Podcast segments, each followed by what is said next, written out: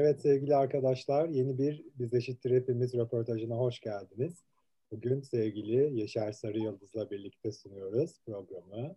Aslında her programımız öyle ama arada e, onsuz da olabilecek o yüzden. Sinem Sal'la birlikteyiz bugün. Çok sevdiğimiz bir yazar e, bizi kırmadı ve Biz Eşittir Hepimizin konuğu oldu bugün. Evet, ben de göstereyim buradan. Ben daha ama tam bitiremedim Sinem. E, ne yapalım? Sinem hoş geldin. Merhaba, hoş bulduk. Bu arada burada olmak şahane benim için çünkü pandemi zamanında Sencer'i böyle tek yaptığın o yayınlarla birlikte epey atlattım ben. O günlerde e, evet evet Instagram canlı yayınlarını epey takip ettim. Çok iyi geldi bana. Sinem nasılsın? Hoş geldin. Hoş bulduk. Merhaba tekrar. Gayet iyiyim. Yani ne kadar iyi olabiliyorsak tabii bu süreç içinde e, iyi olmaya çabalıyorum. Kendi böyle küçük hayatımın içinde de işte iki ay önce çıkan romanla birlikte biraz onun e, koşturmalarını ve heyecanını hala yaşıyorum. Nasılsın sorusunun cevabı heyecanlıyım.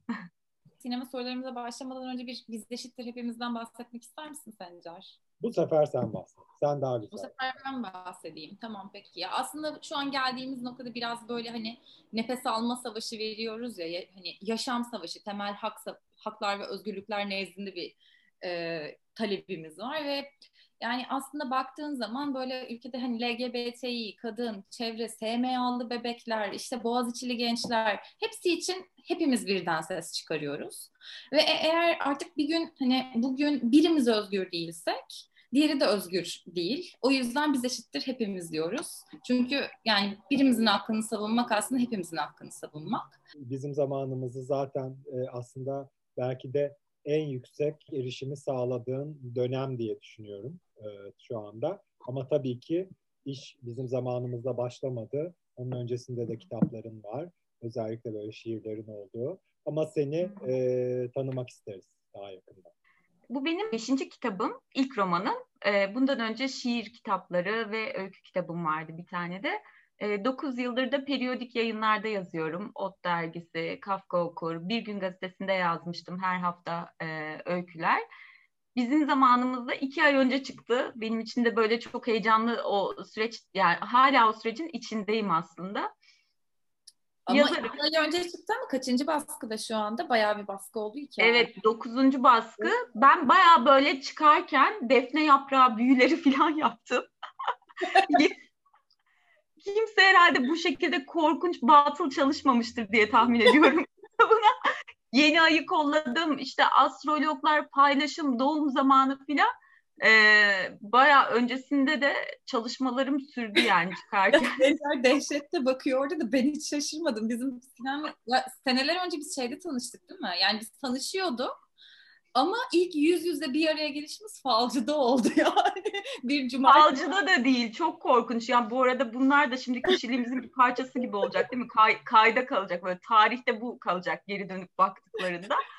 Ee, daha da berbat bir hikaye yayın evinde. Yayın evine bir gece falcı çağırdık ve böyle e, inanamayacağınız isimler bir arada orada. Ee, süper böyle dünyaya işte hani spiritüel açılardan bakmayan isimler bir arada. Neden böyle bir şekilde tanıştık? Aa, bilmiyorum. Ben böyle bayağı evdeydim işte normal televizyon karşısında işte böyle battaniye altta kahve film modundayken ne öyle mi okey geliyorum falan deyip böyle gelmiştim yani Taksim'e. Ama bayağı bir sene önce bu böyle bir 9 8-9 vardır yani. Tabii tabii. Hı hı. Neler evet, neler değişti. bakmıyorum aslında. inanıyorum. Tabii ki eserin kendisi hani çok güzel ama bir şeylerin hayatta yardım etmesi gerekiyor. Daha doğrusu doğru zaman dediğimiz şey de bu aslında. Hani fallar vesaireler şudur budur diyoruz ama doğru zaman dediğimiz şeye dikkat etmişsin. Bence de çok iyi olmuş yani. Burada hemen şeye geçeyim. Bizim zamanımıza geçeyim. Bizim zamanımızda böyle hani okurken ben biraz şeyi hissettim. Aslında böyle kadınların çok doğalında örgütlendiği de bir hikaye var. Ya mahalledeki kadınlar böyle bir şey oluyor pıt pıt pıt diye hani zaten bütün hayatı da örgütlü bir şekilde ortak yaşıyorlar. Şimdi sen aslında hani mesela Ramen'in de kurucususun. E, kadın yazarlardan oluşan bir dergi. Ya böyle hani genel içinde bulunduğumuz kadın mücadelesini de düşünüp kadınların doğalında böyle bir şey var mı? Ya biz böyle hemen örgütleni veriyor muyuz? Böyle bir gözlemin var mı? e, şöyle aslında yani beyaz erkek dışında geriye kalan e, herkes neredeyse bir kimlik mücadelesi veriyoruz. Ve bu mücadelede e, dayanışma olmadan gerçekleşmiyor. Yani kolektif bir hareket içinde olmak zorundasın burada ve bayağı genlerimizde var aslında. Yani geçmişe baktığında da e, en basit gündelik kararlarda bile, en basit gündelik eylemlerde bile kadınlar özellikle çok daha o kolektif hareketin içindeler. İşte kışlık salça yapmak için bir araya geliyorlar. Ya da ben şeyi hatırlıyorum, halı yıkama e, evet. seremonilerini hatırlıyorum. Böyle beş komşu, üç dört komşu bir arada halı yıkanıyor. Yani saatlerce binanın altına iniliyor, sabah başlanıyor, akşama kadar kimin halısının olduğunun bir önemi yok. Evet, ortaya atılıyor, hepimiz üstüne çıkıyoruz. O en son fırçayla, fırçanın tersiyle geri attığımız sahneye gelene kadar bayağı bildiğin binanın halısını yıkıyoruz. Ya da mesela altın günleri oluyor yani ya da gün oluyor. Altın gününe baktığın zaman işte hal hatır sormak için, bir araya gelmek için e, kadınların uydurduğu diyeyim yani daha doğrusu bulduğu bugün de sırayla ve eşit kazanıyorlar. Bu çok enteresan geliyor bana. Ama erkeklere baktığında o sırada kahvedeler ve e, işte oyun oynuyorlar, e, kağıt oyunları oynuyorlar ve orada aslında e, yine kazanmak söz konusu ama kazanmak ve tek adam olarak kazanmak. Bir paylaşım yok aslında. Bu e, geçmişe dönüp baktığımda ya da e, daha muhafazakar olarak e, yaftaladığım kendi aileme baktığımda da zaman içinde böyle e, işte o ilk gençlikte, ergenlikte algılayamadığım e, şeyler olduğunu, ileriye doğru gittiğinde, ileriden daha doğrusu geriye bakıp anladığın şeyler var. E, aslında bayağı şey diyor bu kadınlar, yani örgütlenmeyi sizden öğrenecek değiliz. Biz de biliyoruz. Biz bu kadınlar e, hani bana diyor yani senin muhafazakar olarak tanımladığın bu kadınlar bizzat örgütlenmeyi biliyorlar. E, bir gün böyle evde otururken işte ben otta yazıyorum ve baktığımda e, çok fazla o erkek e, isimlerin arasında birkaç kadınız biz. Hemen her dergide, hemen iş, her iş yerinde olduğu gibi e, birkaç kadın ve özellikle de işte genel yayın yönetmenlerine baktığınızda e, işte editörlere baktığınızda hep bir takım abilerin koltuğunda buralar. Ve bu böyle o gün e, ya gerçekten sayımız az mı dedim kendi kendime. Gerçekten bu kadar mıyız? Yoksa yerimiz mi bu kadar bizim? Bayağı prestij ürünü gibiyiz. Ben şeyi söyle, söylentilerini biliyorum yani. Ee, yayın evleri birbirlerini arıyor. Kadın yazar var mı? Bize transfer edelim. Hani çünkü bir prestij ürünü kendilerini böyle ben de çok pardon iş dünyası konferanslarında falan hissediyorum. Bazen böyle şey gibi geliyor ya. Acaba sadece hani burada bir tane de kadın olsun diye mi yani şey yaptılar böyle altı erkek ve ben falan oluyoruz böyle. Söyleşilerde söyleşilerde bütün kadınlar da hissediyor. Yani çünkü evet. biraz böyle yani kadın da olsun abi hiç kadın olmadı falan diye arandığı da çok belli. Çünkü söz vermemeye de çalışıyorlar ya çok da bir söz hakkın olmasın diye de uğraşıyorlar bir yandan. Tabii dergiye bakıp böyle ha iyi ya bu hani başka bir yayından bahsediyorum eskiden. Güzel kadın yaptı bu sayı hani bir iki tane oldu yani hani tutturduk medeniyiz diye e, ki bu bu isimler bir de hani aydın diyebileceğimiz artık hani bu kesimde oluyor bu anlattığım şeyler tabii. Ramen'in işte çıkışı da aslında böyle bir hisle e, böyle bir ihtiyaçla benim birkaç kadını aramamla gerçekleşti. Birkaç kişiyi aradım ve benim evde toplandık. Örgüt evi gibi böyle ben sabah yemek yapmaya başladım. Akşama kadar böyle korkunç işte kısırlar, yemekler falan eve geldiklerinde Sinem sen çok yanlış anlamışsın mevzuyu. bu, bu muydu yani diye. Ee, bir araya geldik ve kadın yazar ve çizerler tematik bir yayın çıkaralım dedik. İsmi de Ramen olsun. Ayşen Şahin bunu e, çok güzel böyle altını dolduran bir e, paragrafı vardı, yazı yazısı vardı. E, çünkü kadınların aslında bütün hayatı ramen kelimesiyle geçiyor. Kadınların değil sadece aslında LGBT e, kadınlar, bütün böyle ayrımcılığa maruz kalan insanların tüm hayatı, kimlik mücadelesi veren herkesin hayatı ramenle geçiyor. Yani ben e, sokağa çıkarken bu eteği giydiğimde o eteğe rağmen sokaktan geçebilecek miyim, geçemeyecek miyim? Bir kadını sevdiğimi, bir kadın olarak aileme söylediğimde kabul görecek miyim, görmeyecek miyim? iş yerinde çalışmaya devam edebilecek miyim, edemeyecek miyim? Ee, çok çalışmama rağmen para kazanabilecek miyim? Eşit ücret alabilecek miyim, alamayacak mıyım? Buradan yola çıkıp e, ilk sayıyı konuştuk biz ve ilkler dedik. E, onu ben böyle hatta getirdim. Şöyle koca bir kitap. Üç ay gibi kısa bir zaman içerisinde çıkardık. Ve WhatsApp grubundan böyle devam eden o mücadele ağı içerisinde işte 30 tane çizer kadın e, dahil oldu, e, 30 yazar dahil oldu derken böyle 3 ayda gerçekten bence hızlı bilmiyorum e, başka bir cinsten çıksaydı ne olurdu? Bu kadar hızlı toparlanır mıydı her şey? Çünkü orada bir iktidar ilişkisi yoktu aramızda işte. Hani sen şunu yaptın mı, ben bunu yaptım mı diye birbirimize destek olduğumuz e, bir yayın çıkardık. O aslında kadınların doğalında örgütlenebilmesi hani çok hızlı bir şekilde burada da Rahman'da da olmuş gibi görünüyor. Evet. Bu arada şey de söyleyeyim, burada müthiş zengin olduğumuz için hepimiz bağış yapıyoruz.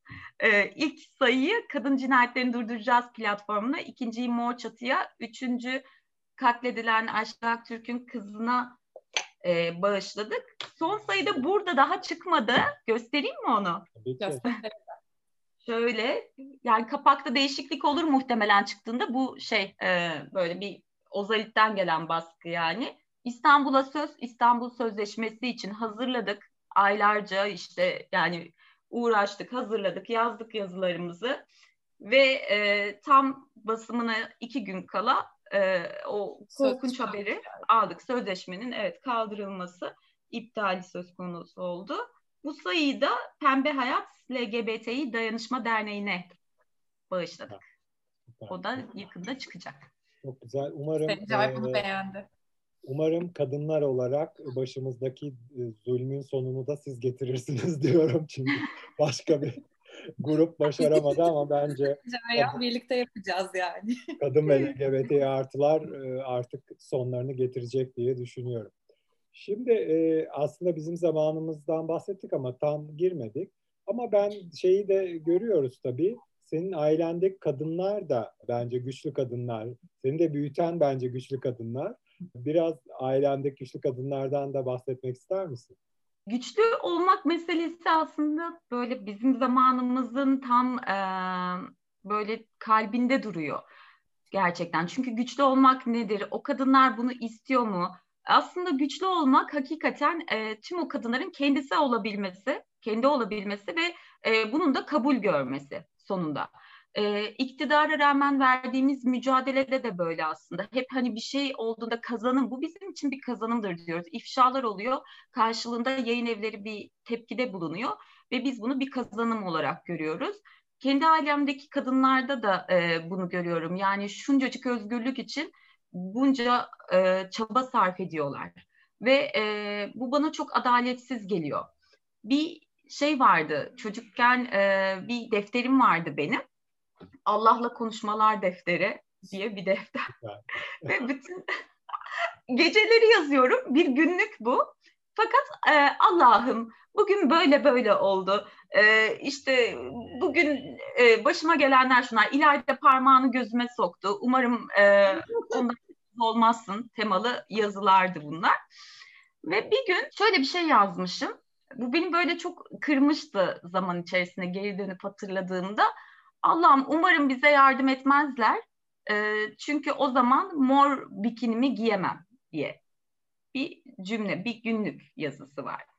Sonrasında o anıyı hatırladım ben. Komşularımızla birlikte e, kamyonun arkasında Riva'ya gidiyoruz ve hayatımda ilk kez denize gireceğim. Kamyon kapalı, içinde işte top kekler var, bakkallara böyle toptancılık yapan birinin kamyonuydu ve e, içinde sallanıyoruz. Zaten sıcak, yaz sıcağı. Koliler oradan oraya uçuyor. Hop bir tanesi açılırsa işte içinden top kekler çıkıyor, yiyoruz. İçinde de o mayo var, bikini var, mor. Ve tek hayalim şu, e, kapı açılacak ve ben e, bir Ajda Pekkan gibi süzülerek sahile ineceğim, denize atlayacağım, yüzeceğim. E, girer girmez de kesin yüzeceğim. Çünkü içgüdüsel biliyorum, çok izledim filmleri okey her şey tamam diyorum. Fakat e, kamyonun kapısı açıldığı anda kafamdan aşağı böyle bir beyaz tişört geçirilmişti. Çünkü e, komşularımız bundan rahatsız olabilirdi. Ve bize aynı zamanda e, destek oluyorlardı, maddi yardımda bulunuyorlardı. O yüzden onların alanında onlar gibi olmak durumundaydım. Ve aslında çok küçükken bile e, gerçekten hiçbir okuma yapmadan, e, polisize olmuş bir ailede de yetişmeden, büyümeden o özgürlük duygusu e, çok içeride var bence. Yani onu hepimiz tanıyoruz, biliyoruz. O orada duruyor. İşte tam da o noktada zaten o yardımı kabul etmiyorsun. Çünkü diyorsun ki evet şimdi bana yardım ederlerse hayatımı ele geçirecekler. Bizim zamanımızdaki kadınların hani e, güçlü olması meselesi ya da aralarındaki dayanışma e, bilmiyorum sizin yaşadığınız yerde de öyle miydi ama bizim apartmanda e, gerçekten halkların kardeşliği gibi bir apartmandı ve herkes vardı. Her türden kadının yaşadığı bir apartman. Üst katta işte kitabı e, okuyanların da bildiği gibi böyle o Ayten abla vardı ya Mevlit hocası e, var. Alt katta e, Orospu Jüli var. İsimleri farklı tabii bu arkadaşları. Ve ben şeyi çok net hatırlıyorum. Annemler pazara giderken Orospu Jüli'ye bırakırlardı beni. Ve biz kısır yerdik onunla birlikte. Börek yerdik. Böyle karnımız şişene kadar yerdik. Ve hiçbir şekilde sorgulanmazdı onun hayatı. Çok yani evet işinde gücünde bir kadındı yani e, Julie teyze. Ya da Ayten abla e, işte Mevlit hocasıydı. Ve bir arada bir araya geldiklerinde bu kadınlar mevlitleri çok net hatırlıyorum ben mesela. O kavurmayla tulumbanın birbirine karıştığı mevlitleri. Ee, orada kadınlar ilahi okurlar ve hüngür hüngür ağlıyorlar. İnanılmaz duygulanıyorlar. Ee, hadi bir ilahi daha diye birbirlerine böyle gaza getiriyorlar. Arkasından müstehcen fıkralar anlatıyorlardı. Ve fantastik eğleniyorlardı bence o kadınlar kendi aralarında bu durumu böyle e, yani durum dediğim şey aslında benliklerini kabul etmiş olmaları ve bunu da bir e, background'a dayanmadan yapıyor olmaları tamamen içgüdüsel bir hayat sevgisiyle aslında açıklanıyor sanırım. Ya, ya de, e, bu aslında Türkiye'nin mozaiği ve Türkiye'nin e, DNA kodlarında var. Çünkü biz işte hep bizi böyle bölmek isteyen ne yazık ki bir e, hükümetle karşı karşıyayız e, uzun yıllardır. Hep böyle işte sen Kürtsün, sen bilmem nesin, sen olsun, sen busun diye sürekli bir bölme çabası var. Ama bir hani iç savaştır bir şey, hani böyle bir şey yok yani yıllardır. Demek ki aslında bizim DNA'mızda e, böyle bir durum var. Yoksa şimdi biz LGBT'lerle de ilgili aynı konu aslında Yaşar'la da hep bunu başka konuklarla da konuşuyoruz. Sosyal medyadan aslında çok e, farklı bir etki altında kalıyoruz. Yani oradaki trollerin davranışlarını halkın davranışı gibi aslında çoğu zaman değerlendiriyoruz. Halbuki halkın içinde senin de dediğin gibi aynı apartmanda hem etnik köken olarak hem farklı e, benlikler olarak yaşıyoruz biz Türkiye'de. Biz yani yıllardır e, bu şekilde yaşıyoruz zaten yani Cumhuriyet'ten beri veya daha öncesinde bu şekilde yaşıyoruz. Fakat hep böyle sosyal medyada e, özellikle farklı manzaralar e, çizilmeye çalışılıyor. E, yani bence buna kesinlikle kanmamamız lazım. Yani eğer biz bölünmüş olduğumuza inanırsak e, gerisi zaten gelir diye düşünüyorum. O yüzden biz yürekten inanmıyoruz bence henüz. Şimdi güçlü kadından gidelim tekrar. Hı. Güçlü kadın konusuna geri dönmek istiyorum. Şimdi böyle hani e, kimin söylediğini, kimin yazdığını hatırlamıyorum ama Twitter'da gördüğüm ve bence son yılların en güzel sözü şey var. Güçlü kadın olalım derken pehlivan olduk. Biraz Mihrap ve işte ailesi de böyle yani hep pehlivan gibi kadınlar. Ve hani böyle bir yerde şeyden çok etkilenmiştim ben. Böyle ağlarken annesi işte şey diyor, üzülmeni istemiyorum diyor. Mihrap da işte ya ben güçlü olmak istemiyorum, mutlu olmak istiyorum hı hı. diye bir cümle kurmuştu. Şimdi bu hem biraz senin hem böyle biraz hepimizin iç sesi mi? Ya güçlü olmaktan yorulduğun oluyor mu? Benim oluyor şahsen. Mesela atıyorum hani ben de istiyorum tek derdim işte sabah kalkayım da ılık suya işte bir çay kaşığı elma sirkesi koyayım ve bunu her gün yapabileyim falan ama ya resmen hani güne pasiflora içerek başladığımız noktaya geldik ya. Hı hı. E bu güçlü olmaktan yoruldun mu? Gerçekten hak savunuculuğundan para kazanıyor olsaydık çocuk doğururdum ve anne parası yiyerek herhalde bir ömür e, yaşayabilirdi, geçinebilirdi evladım. Günlük planlamanın içinde e, bu saatte şu tweet atılacak, işte saat 9'da pencereye çıkacağız, e, saat 5'te Kadıköy'e gidilecek. Tüm bunların olması e, bir yandan o kadar yorucu ki tabii ki böyle çok tüm bu olanların yanında e, kabusun şımarık kısmı gibi artık. Hani gündelik hayatımızda bunların olması. Ama müthiş yorucu. Kim ister ki ben yani sadece yaşayabilmek, mutlu yaşayabilmek, kendim gibi yaşayabilmek için bir mücadele veriyorum ve her an veriyorum. Her saniye veriyorum. Yani bunu görüp de susmak zaten büyük kalpsizlik. Fakat hala olmasını gerçekten aklım almıyor. Öyle bir döviz de vardı ya hala bunu savunuyor olduğumuza inanamıyorum gibi bir şeydi. Evet. E, döviz vardı tam hatırlamıyorum. Neydi o? Tam böyle bir şeydi. I don't hala believe I'm still protesting this shit. Evet. Ya, evet gerçekten öyle. Ve muhtemelen diyorum ki herhalde bu böyle gidecek gerçekten. Yani bir ömür boyunca e, bir şekilde e, tek tipleştirmeye çalışan insanlar var oldukça e, sürekli aynı şeyleri savunuyor olacağız. Onların haklarını da savunuyor olacağız ve bence bu çok yorucu zaten. E, bizim zamanımıza döndüğümde aslında e, o hani Mihrap mesela şeyde söylüyor ya onu. Sen boşandığımda bile e, diyor annesine Mihrap işte 30 yaşında e, bir kadın ve bir kısa evlilik e, yaşayıp ayrılıyor ve annesiyle birlikte yaşıyor yeniden boşandığımda bile beni Bakırköy'e götürdün diyor gezmek için. O Bakırköy çok ünlüydü ya böyle mağazalar inanılmaz e, artistik gelirdi o kıyafetler vesaire. Ciddi havalı olmak istediğin bir gün varsa oradan gidip alışveriş yapardın e, para biriktirdikten sonra. Bir, e, bizde öyleydi yani en azından. Ve Mihrap şey diyor yani hani ben e, o gün sadece ağlamak istiyordum ya da sonuna doğru romanın Dalyan içine ağlarken annesi diyor ki yeminle seni bir daha ağlarken görürsem konuşma. O duyguyu bile e, yani duygularımızı da zaten yaşamamıza bir fırsat, bir izin verilmiyor. Yani e, Mihrap mesela bir noktada şey diyor, My Kitchen is My Kingdom yazan bir mutfak önlüğüyle geziyor evde. Ve mesela birçok şeyi biz işte medeni, e, özgür kadınlar olarak da kendimize de yakıştıramıyoruz. E, oralarda da ben çok böyle e, kafa karışıklıkları yaşıyorum örneğin. Bir dakika yani şimdi bunu yapmalı mıyım yapmamalı mıyım? Ne kadar eşitlikçi davranıyorum acaba bu ilişki içerisinde şu anda diye.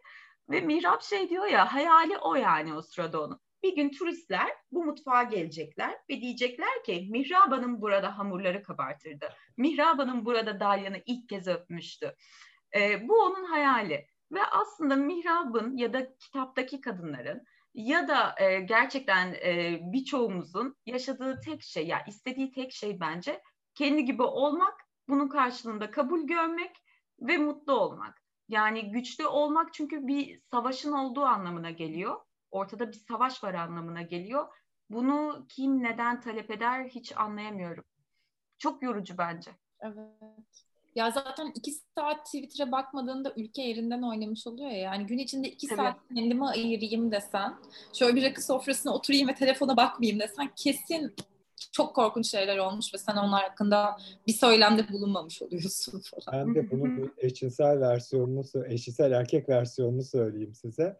Böyle hep hani bakıyorum birçok hani Cizon yüzünden de birçok hesabı takip ediyoruz bakıyorum işte özellikle Güney Amerika'da e, yaşayan e, bu sezonda böyle eşcinsel erkeklere deniz, havuz, takılmaca, o bu bilmem ne hani veya yazında bizim için söz konusu. Yani dertleri yok. Hani tabii ki e, dünya üzerinde yaşayan bütün LGBT artının derdi var bir şekilde hani en özgür ülkede bile bir nefret cinayeti veya nefret saldırısı olabiliyor ama ama genel bir baktığımda yani adamların böyle e, storylerine şuna buna. Yani bizim gibi bir e, var günlük varoluş dertleri yok adamların. Evet. O yüzden e, özeniyorum yani hani e, ama zaten Türkiye'de ne olursan ol böyle bir derdin var. Yani. Ya kadın hareketinde de öyle. Şimdi mesela atıyorum hani Amerika'daki kadınların hesaplarını falan takip ettiğin zaman ya da mecraları işte maaş eşitsizliğini konuşuyorlar. Ya da mesela işte plazalardaki klima ayarının erkek bedenine göre olması. Tamam mı? Bu büyük bir dert çünkü kadınlar üşüyor. Ada, yani şey e, adamlar normal takılıyor falan. Bizim vücut sıcaklıklarımız farklıymış ve erkeklerin vücut sıcaklıklarına göre ayarlanıyormuş kurumların ısın ısınması. Neyse şimdi bu evet bir dert. Ya biz de sene birkaç sene önce sanki bunları konuşuyorduk diye hatırlıyorum ya. Yani mesela mansplaining konuşuyorduk. İşte atıyorum hani maaş eşitsizliği konuşuyorduk falan geldiğimiz noktada her güne bir kadın cinayeti haberiyle başlayıp abi bizi öldüremezsiniz diyoruz ya. Ya böyle bir şey denir mi yani? Bu, bu, bu nasıl bir ilk çağ dönüştür gerçekten. 90'ların sonunda geçiyor aslında roman. 90'lar ee, demin de söylediğimiz gibi aslında çok nostaljik ama bir yandan da bazı kesimler için özellikle çok da karanlık yıllar. İşte neydi o? Beyaz Toroslar mı vardı? Öyle bir insanları takip eden vesaire falan filan. Aslında tam 2000'e girmek üzereyken e, mahallede karakterlerin böyle nefis hayalleri var. Peki sen kendini hatırlıyor musun? Senin e, nasıldı hayalin? Tabii ki yani ne bileyim 2021'i böyle kimse hayal yani George Orwell bile Philip K. Dick bile böyle hayal edemez diye düşünüyorum ama e, yani hiç böyle düşünmüş müydün veya senin hayalin neydi milenyuma girerken? Orada aslında bizim zamanımızda e, sadece bu milenyum sahnesi ve duygusu için 99 yılında geçirdim diyebilirim kitabı. E, hani 90'lar temalarını kullanmak için değil, sadece milenyum için. Çünkü o aslında bir yanıyla da bir metafor. E, hepimiz kendi milenyumumuzu bekliyoruz. Oradaki kadınların hepsi kendi milenyumunu bekliyor. E, çünkü ben şeyi çok iyi hatırlıyorum yani. Bilmiyorum şimdi reklam kısmında e, destekte bulunabilirsiniz. Çok acayip reklamlar vardı. Yani milenyuma geçiş fantastik bir şey olacaktı. Böyle alüminyum kaplı insanlar gelecek. Kapsül yutacağız ve karnımız doyacak. Uçan arabalar olacak. Uzaya kesin gidiyoruz falan. Uzay o cepte zaten. Ee, oradan yerler alınacak vesaire.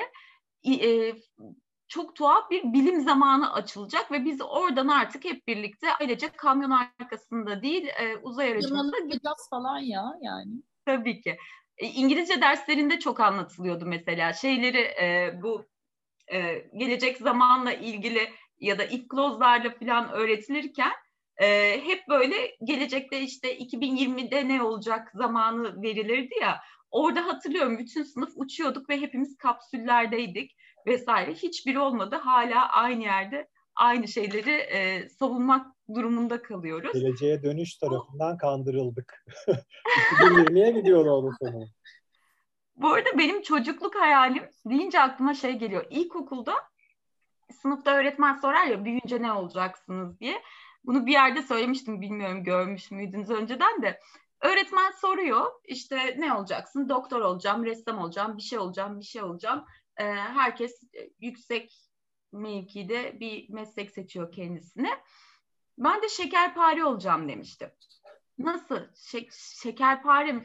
Evet dedim şekerpare var ya hani e, evle evdeler kadınlar çarşaflar giyiyor pıtı pıtı pıtı çıkıyorlar filan. İnanılmaz kızmıştı öğretmen hemen susturdu beni, oturtturdu. İşte e, şekerpare yasaklandı sınıfta.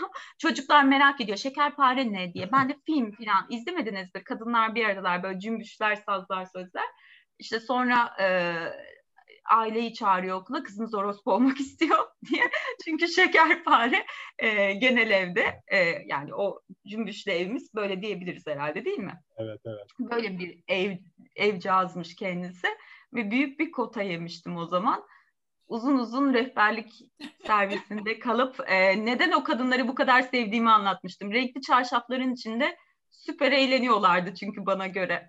ya ama bence 80'li yılların filmlerinde yani güzelleme demeyeyim ama hani öyle seks işçiliğini konu edinen birçok film var ve ne kadar politik olarak doğrudur bilmiyorum ama çoğu da böyle komedi janrında işte mesela hani Asiye Nasıl Kurtulur var. O da bir anlamda aslında çok trajik bir şeyi anlatsa da hep böyle tonu e, müzikal komedi tarzında falan. E, o zaman e, o benliği dediğin gibi doğal bir kabulleniş var resmen yani sinemada da böyle, hatta da böyle. E, o yüzden o zaman bir tuhaflık yok ama şu anda böyle çok tuhaf e, bir şeymiş gibi aslında yansıtılıyor. Sanki hani hiç seks işçisi yokmuş, hiç e, o aslında kerhane ya da neyse genel ev diye geçen evler Abi, yokmuş. Abi tatlısı diye tatlımız var ya yani. ya, hani kerane, kerane tatlısı denmiyor mu ona? Evet evet. evet. Çıkışlarında mı satılıyor, girişinde mi güç versin bilmem ne falan filan yani. Abi her şey ne kadar rahattı eskiden. Çok rahat konuşuluyordu. Şu an dansözler giyinemiyor doğru düzgün E, televizyonda. Ya bayağı çarşaf Soyunamıyor. Doğru. Yani olması gereken kostümü giyemiyor. Onun yerine işte Aslında hani ben de varım, kabul edin mücadelesini biz verirken yalnız bırakılmazsak eğer burada faşizmi yapanların hayatları da dünya kadar genişleyecek. Çok acayip bir şey yani. Bu mücadeleye destek olduklarında faşistlerin hayatı genişleyecek aslında. Çünkü faşizm böyle dünyayı bile bile, bile isteye küçültmek, tek tipleştirmek, e, tek, tek renkleştirmek demek. Yani kim bunu ister? Bunu başkasına değil böyle kendisine kim yapabilir? Bunu aklım almıyor gerçekten. Ama ben dün de Twitter'da mesela bir tweet gördüm. İşte muhafazakarlar hayatın her alanından zevk almak istiyorlar. Ama işte burada çelişiyorlar diye özellikle bilmiyorum Hmm. yasak geldi mi bu pudra şekerinden bahsedebiliyor muyuz? İşte bahsediyor. pudra, Tekrar gözaltına alınmış. Şimdi hani bu yayınlandığında ne olur bilmiyorum ama bir daha gözaltına alınmış. neyse pudra şekeri diyelim. Pudra şekeri işte lüks arabalar, efendime söyleyeyim havuzda içkiler vesaire falan filan. Yani o, Zemzem o. ha? Zemzem. Zemzem. Yani onlar da aslında hiçbir zaman kendini kısıtlamak istemediler, istemiyorlar. Ama tabii bir iki yüzlülük e, yüzünden hem kendileri istediğini yapsın ama başkaları yapamasın onların camiasından değilse gibi bir e, durum söz konusu. Ya okurken böyle insan mihraplı bir arkadaş olmak istiyor ya. Yani en azından okurken insan istiyor ve e, şimdi hikaye senin çocukluğunun geçtiği yerlerde geçiyor aslında. Hani senin doğduğun, büyüdüğün yerlerde. Ya şimdi mihrap biraz hepimiz ama böyle sanki hani biraz da sensin. Bir tanıyor musun mihrabı? Bu insan gerçek mi? Mihrabın ne kadarı sensin? Böyle bir onu sormak istiyorum. Bu aslında senin hikayen mi yani? Biraz da. Ee, şöyle yani bir şey yazdığımızda ya da e, ya ortaya bir ürün koyduğumuz anda tabii ki yargılanmaya, e, etiketlenmeye bir alan açmış oluyoruz artık. Hani ne kadarı yazar? İlham aldıklarımın ne kadarı benim? Aslında tabii ki içerisinde e, mutlaka benden çok fazla parça var. Gördüklerimden, e, görüp e, hafızama attıklarımdan, onları neden ben kaydetmişim e, bir kere. E, tüm bunlar tabii ki kitabın içerisine sızıyor. Yaşadığın her şey. E, benzerliklerimiz ne olabilir? Yani babamı e, ben de ben çok küçük yaşta kaybettim. Mihrap'tan daha küçük bir yaşta kaybettim. Ve e, aslında daha kadınlı, bol kadınlı bir evde büyüdüm. Olaylar Hasköy'de geçiyor. Hasköy e, hikayesi bende yani şöyle aslında çok bütün çocukluğum Hasköy'de geçmedi. Birkaç yıl yaşadım orada. Fakat babamın e, ve amcalarımın yaşadığı yer Hasköy. Yazarken e, yaşadıklarım kitabı yaşadıklarımın yaz, e, kitabı etkilemesinden ziyade sonrasında e, etkilendiği bir nokta oldu. Şöyle e, ben kitabı yazdım ve e, baş, başladım daha doğrusu kitabı yazmaya ve Hasköy'e gitmek istedim. Bir mekanları hani tarayayım ne var ne yok sokaklar nasıldı diye. E, amcamla buluştum ve sokakları anlatıyor bana. Sokakları geziyoruz ve biz yıllardır e, hiç babam hakkında konuşmamışız evde. Çünkü biraz böyle yaz süreci de çok ilginç mesela e, bizim ülkemizde. Yani yaz tutmak, e, yaz tutabilmek e, veya açık açık bunları konuşabilmek, hani travmatize olmamak adına her şeyin üstünü örtmek. E, bunlar çok yaygındı benim ailemde. Ee, ve o gün gittiğimde böyle dükkanların önüne şeyleri attılar, masaları attılar ve konuşmaya başladılar oradaki insanlar babam hakkında. Y- yıllar sonra biri gidiyor, kızı gidiyor, hiç kimse beni tanımıyor ve orada hikayeler anlatıyorlar.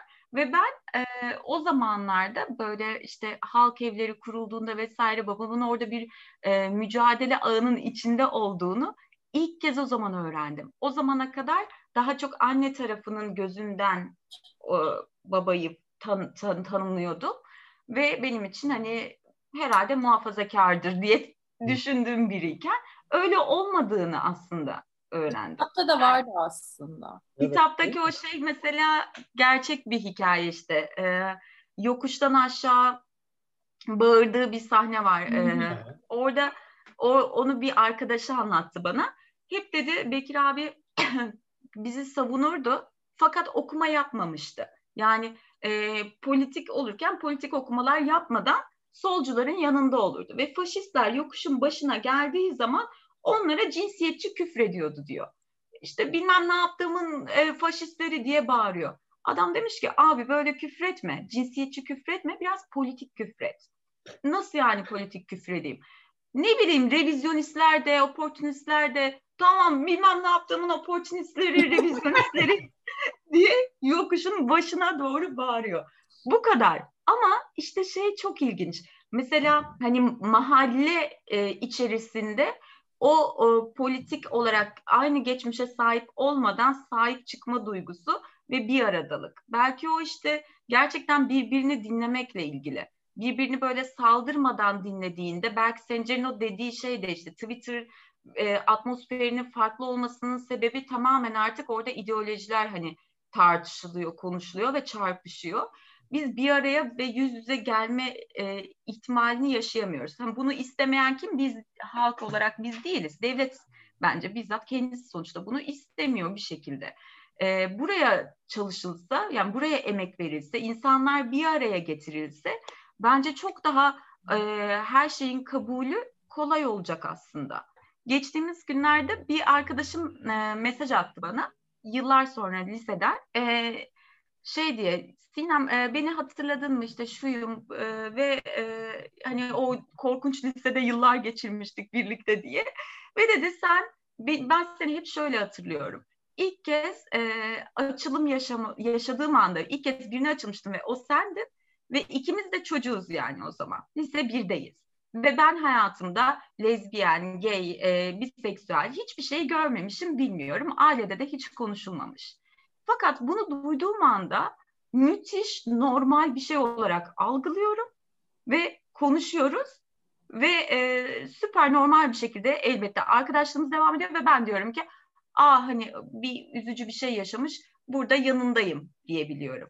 Bu tamamen içgüdüsel gelişirken ve insanlar işte hani konuştuğu anda hayatlarını o yüzden bence çocukken böyle e, hani bak böyle insanlar da vardır, bu kimlikte insanlar da vardır diye tarif etmektense gerçekten e, yaş, yani o örneklerle hayatımızın içine dahil ederek o örnekleri elbette e, sanırım yani çocuğa bunu deneyim deneyimle kazandırmak gerektiğini de düşünüyorum. Ya evet. Soru neydi? Ben başka bir yere gittim nefret öğretiliyor.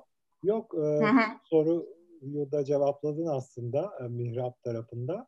Yani nefret öğretiliyor çünkü mesela ben de işte çocukken Huysuz Virgin gibi bir karakteri izliyordum ve hani hiç de böyle onu e, kadın kıyafetleri içinde bir erkektir ya ne kadar tuhaf falan diye düşünmedim.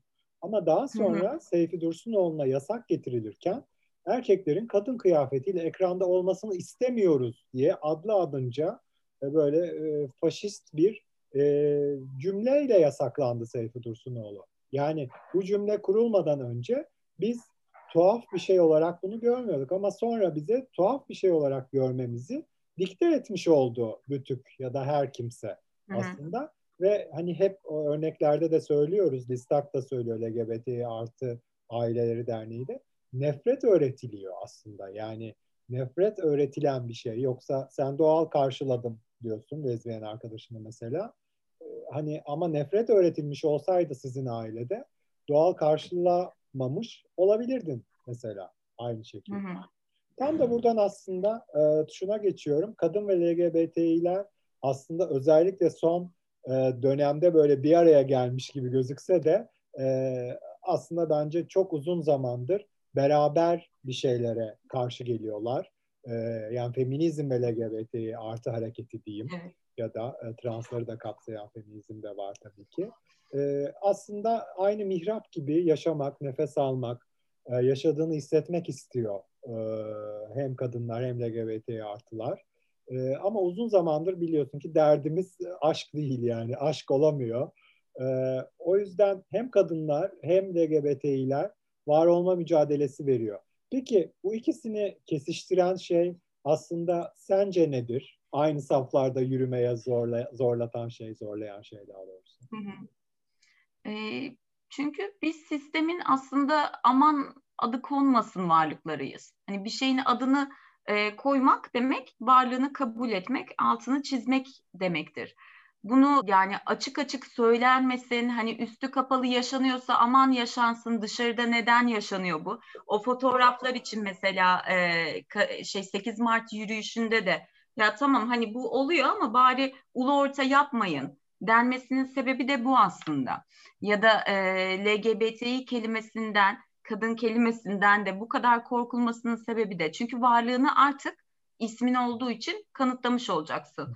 Ben buradayım demek için her konuşmada e, tam da bu sebeple aslında kimliğimizin sinyallerini böyle açık açık vermekte fayda var. Çünkü adın yoksa yoksun e, ya hepimiz birinin eşiyiz, e, hepimizin başarısının arkasında aranan gizli bir kahraman var. E, eşcinselliği bu kadar e, korkunç bir şey gibi gösterip biri başarı sağladığında hem de bu aydın kesimde de olabiliyor ya da işte sol kesimde bile olabiliyor. Bunu da eşcinselliğine bağlayanlar var. Bilmiyorum hiç duydunuz mu böyle bir şey? Ünlü çünkü bu bu sebeple evet, ünlü evet. diye. Yani ya çok tuhaf. Veya başarısızlığını da ona bağlayan olabiliyor veya beğenmiyor, tabii, tabii. alan buluyor diyelim. Onu da ona bağlıyor. Aha. Hani o başarısızlığı bir, bir nebze anlıyorum. Hani madem ki toplumun dışına itmeye çalışıyorsun ama başarıyı da ona bağlamak çok tuhaf geliyor gerçekten yani bana. Çok acayip bir Evet hani madem öyle o zaman hani bırakın hepimiz yaşayalım özgürce. Ya bizde İ- ilişki deyince çok özür dilerim hemen söyleyeyim. Bizde şey de oluyor. Bize röportaj veren sanatçılar işte ünlü kişileri mesela LGBT artıdan prim yapıyor falan diye söylüyor bazı arkadaşlar. Evet, yani evet. bunu net olarak hep söylüyorum fırsat olunca. Böyle bir şey yok. Kimse bundan prim yapamaz. Aksine böyle bir şeyden prim yapılamaz. Tepki çeker yani. Bunu hep söylüyorum. Herkes. Pardon. Yani bu sebeple işte ilişki deyince böyle aklımızda sadece kadın erkek ilişkisi gelmesin, Türkiye deyince Türklük gelmesin, e, dünyayı olduğundan daha küçük, hayatı olduğundan daha dar gösterme çabası sadece dünyayı hepimize dar ediyor ve ben hakikaten orada yokum. Sanırım hepimizin mücadelesi de buraya dayanıyor. Hayatta iktidar olmayı seviyorlar, hayatı sevmiyorlar.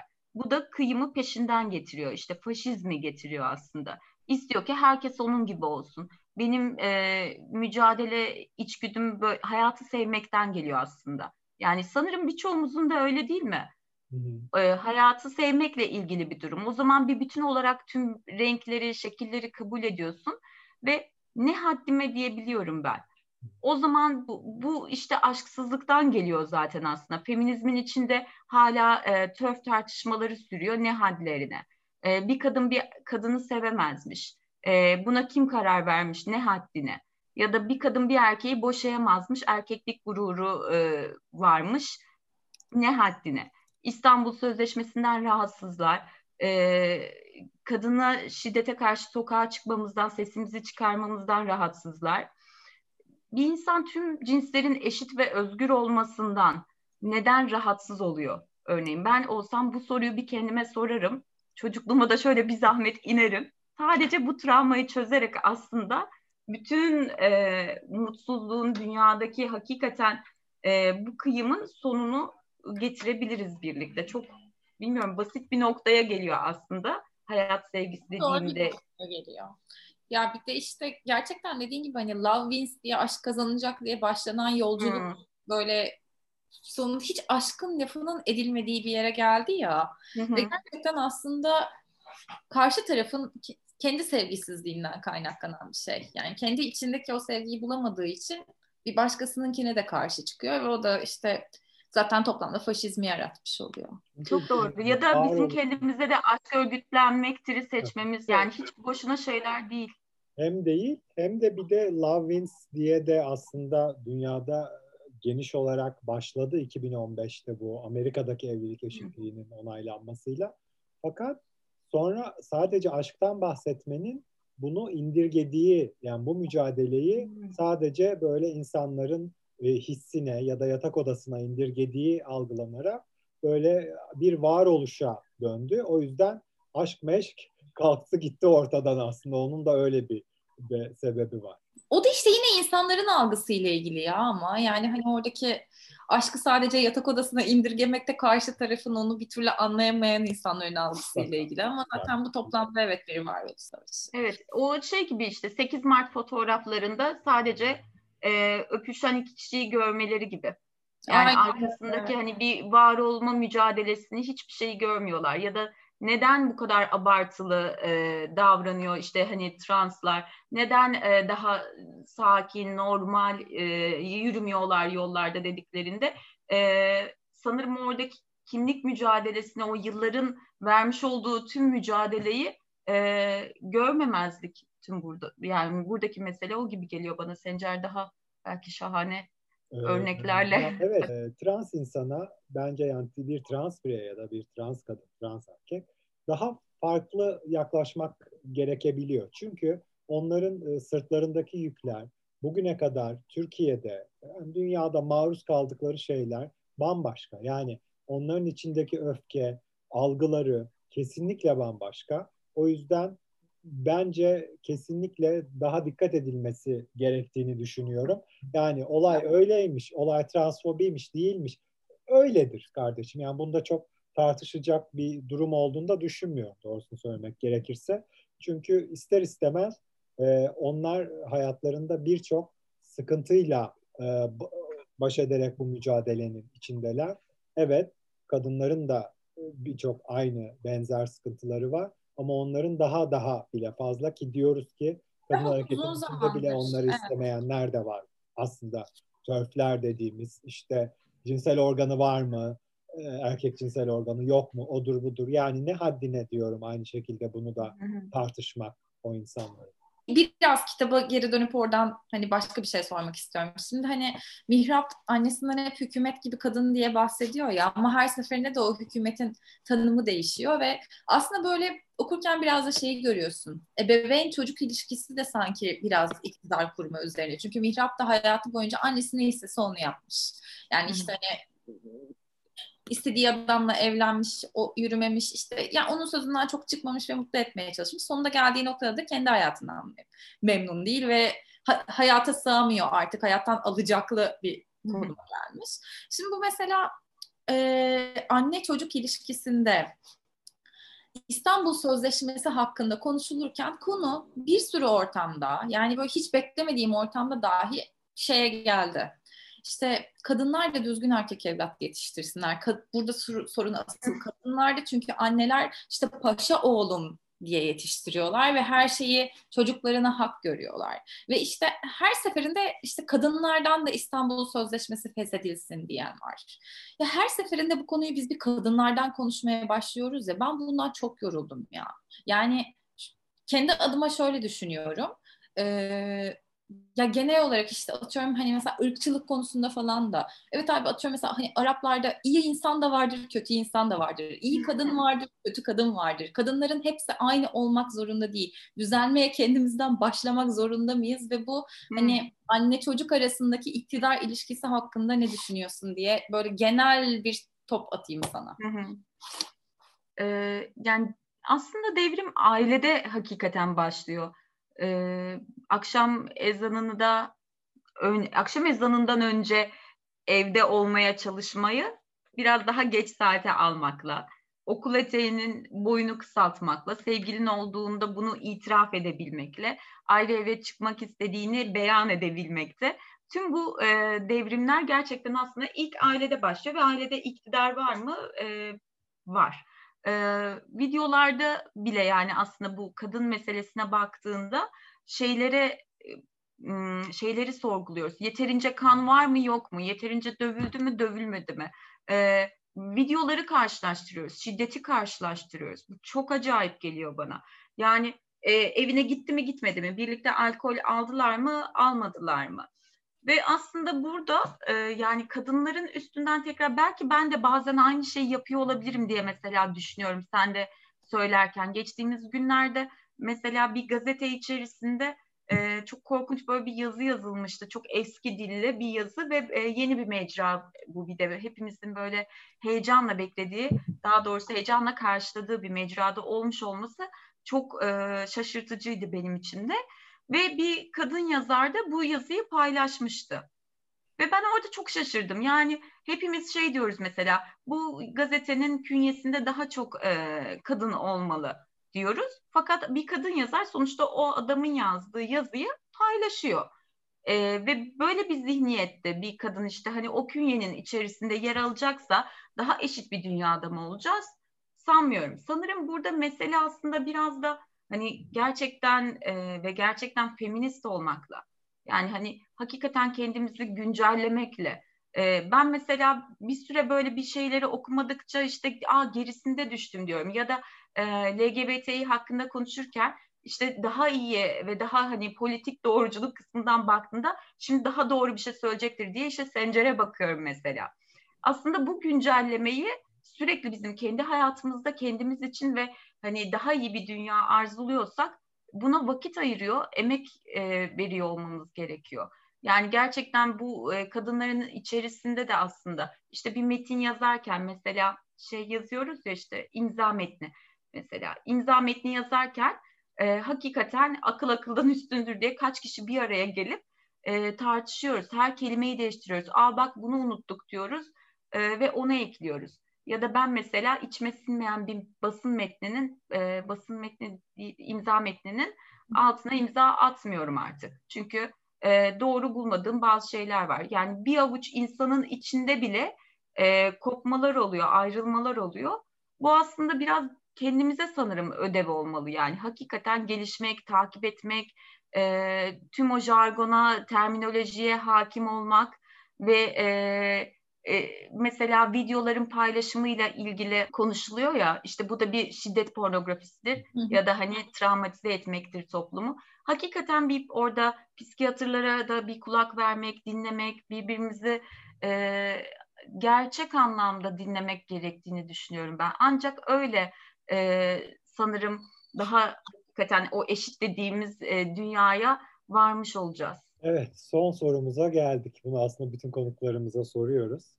Ee, ülkeyi sana verdik. Bu ülkenin e, başkanı, cumhurbaşkanı oldun ve hani şu andaki yetkilerle veya daha üstü ile, daha üstü var mı bilmiyorum. Ee, ilk neyi değiştirirsin ülkede? Yani ilk mesai gününe başladığında ilk 9-0.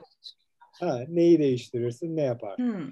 Şimdi tabii ki İstanbul Sözleşmesi'nden hemen sonra olduğu için e, tüm bu mücadelemiz boşa gitmesin diye hepinize İstanbul Sözleşmesi'ne artık uygulanmasıyla, uygulanması şartıyla tabii ki herhalde geri getiririm. Ayşe'nin bu arada e, attığı bir tweet vardı bu konuya benzer bir soru üstüne. E, uyandınız ve bir gün her şey değişti ne yaparsınız diye. Bence çok şahaneydi o cümle bütün gün uyurum dedi. bütün gün uyurum. Ama başkan olursan uyuyamazsın. o evet. Siz uyursunuz arkadaşlar. Gönlünüz rahat. Ben İstanbul Sözleşmesi'ni uygulamışım. Geçirmişim geri. Hepiniz uyursunuz rahat rahat bunca mücadele günlerinden sonra. Şey, kim hatırlamıyorum da biri şey demişti koduklardan istifa ederim. Çünkü hani bir başkan yapmamalısınız yani. Önce bir kendi yetkilerimi kısarım. Sonra daha uygun bir adaya bir koltuğu devretmek üzerine istifa ederim demişti. O da güzeldi. Ama yani o da doğru cevap. Süper. Evet. Umarım başkan olursun ya ne diyeyim işte. Umarım bir, biri bize yani güzel. Sinem çok teşekkür ederiz. Gönül ben çok teşekkür ederim. Daha da konuşalım. Gerçi bunu arada yine periyodik olarak da yapabiliriz bence. Ee, ya ben bu arada kendime inanılmaz söyle. Üst üste bir bizim zamanımız film olur da öyle yaparız. Evet evet. Film ya da dizi olmasını çok istiyoruz. Ee, buradan da artık varsa da öyle bir teklif yoksa da herkese söylüyoruz. Gerçekten bu kadar e, sevilen ve hani her romanı layık görmeyebiliriz veya uygun bulmayabiliriz filmi ama veya diziye ama bizim zamanımız özellikle e, çok sinematografik de anlatımı olduğu için film bence, bence çok iyi olur. Film, film ya da böyle bir 6-7 bölümlük mini dizi falan da olur. Değil mi? Ben benim gönlümde yatan da biraz o dijital mecrada bir e, dizi olması aslında birkaç böyle şey durum var şu an. E, aslında bu da böyle oyuncu arkadaşların aracılığıyla gerçekleşiyor bu arada. Yani okuduktan sonra e, biraz mihraba yükselmek, biraz mahalleye yükselmekle. E, Mihrabı ben oynayayım diye mi geliyorlar? Genelde mihrap.